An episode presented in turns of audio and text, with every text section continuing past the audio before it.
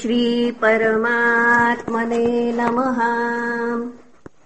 श्रीमद्भागवते महापुराणे पारमहंस्याम् संहितायाम् दशमस्कन्धे उत्तरार्धे सप्तषष्ठितमोऽध्यायः। राजोवाच भूयोऽहम् श्रोतृमिच्छामि रामस्याद्भुतकर्मणः। अनन्तस्या प्रमेयस्य यदन्यत्कृतवान् प्रभुः। श्रीशुक उवाच नरकस्य सखा कश्चिद् द्विविदो नाम वानरः सुग्रीवसचिवः सोऽथ भ्राता मैन्दस्य वीर्यवान् सख्युः सोपचितिम् कुर्वन् वानरो राष्ट्रविप्लवम् पुरग्रामाकरान् घोषानदहद् वह्निमुत्सृजन्।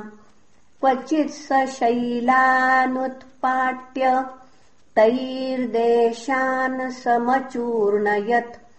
आनर्तान् सुतरामेव यत्रास्ते मित्रहा हरिः क्वचित् समुद्रमध्यस्थो दोर्भ्यामुत्पिक्ष तज्जलम् देशान्नागायुतप्राणो वेलाकूलानमज्जयत्।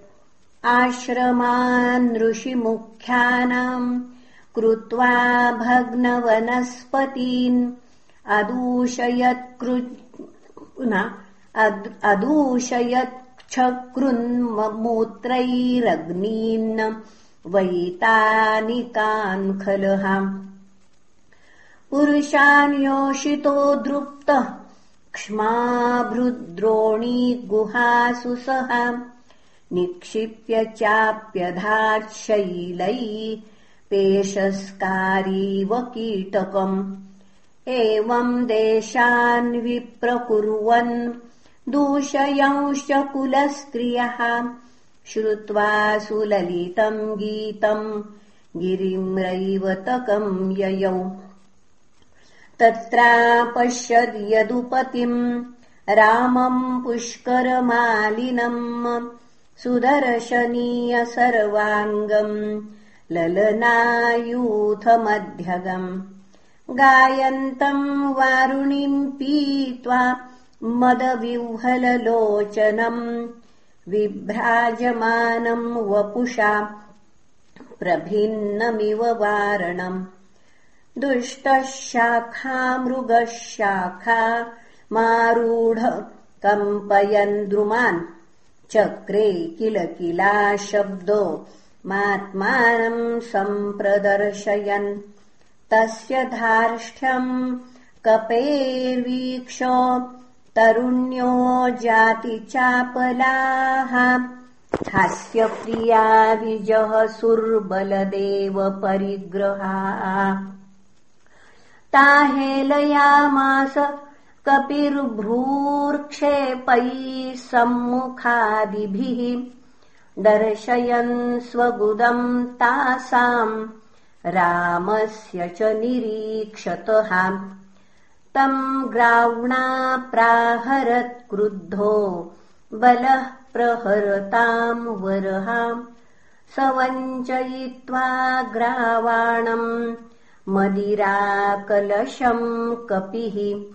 गृहीत्वा हेलयामास धूर्तस्तम् कोपयन् हसन् निर्भिद्य कलशम् दुष्टो वासंस्यास्फालयद्बलम् कदर्थीकृत्य बलवान् विप्रचक्रे मदोद्धतः तम् तस्या विनयम् दृष्ट्वा देशांश्च तदुपद्रुतान् क्रुद्धो मुसलमादत्त हलम् चारिजिघंसयाम् द्विविदोऽपि महावीर्यो शालमुद्यम्य पाणिनाम् अभेत्य तरसा तेन बलम् मूर्धन्यताडयत् तन्तु सङ्कर्षणो मूर्ध्नि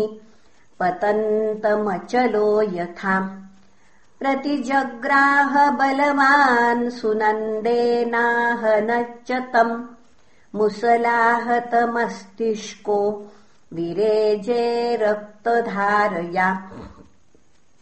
गिरिर्यथा गैरिकया प्रहारम् चानु पुनः गिरिर्यथा गैरिकया प्रहारम् नानुचिन्तयन् पुनरन्यम् समुत्क्षिप्य कृत्वा निष्पत्रमोजसाम्। तेनाहनत्सु सङ्क्रुद्धस्तम् बलः शतधाच्छिनत्। ततोऽन्येन रुषा जघ्ने। तम् चापि शतधाच्छिनत्। एवम् युष्मन् भगवता भग्ने भग्ने पुनः पुनः आकृष्य सर्वतो वृक्षान् निर्वृक्षमकरोद्वनम्। ततो मुञ्चच्छिलावर्षम् बलस्योपर्यमर्शितः तत् सर्वम् चूर्णयामास लीलया मुसलायुधः स बाहूतालसङ्काशौ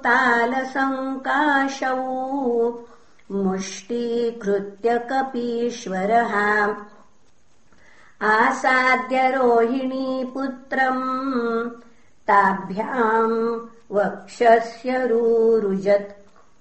यादवेन्द्रोऽपि तम् दोर्भ्याम् त्यक्त्वा मुसललाङ्गले जत्रावभ्यर्दयत् क्रुद्ध सोपतद्रुधिरम् वमन् चकम्पे तेन पतता सटङ्कः स वनस्पतिः पर्वतः कुरुशार्दूल वायुना नौरिवाम्भसि। जयशब्दो नमः शब्दः साधु साध्विति चाम्बरे सुरसिद्धमुनीन्द्राणामासीत कुसुमवर्षिणाम् एवम् निहत्य द्विविदम् जगद्व्यतिकरावहम् संस्तूयमानो जनैः स्वपुरमाविशत्। इति श्रीमद्भागवते महापुराणे पारमहंस्याम् संहितायाम् दशमस्कन्धे उत्तरार्धे द्विविदवधो नाम सप्तषष्ठितमोऽध्यायः। श्रीकृष्णार्पणमस्तु। हरये नमः हरये नमः हरये नमः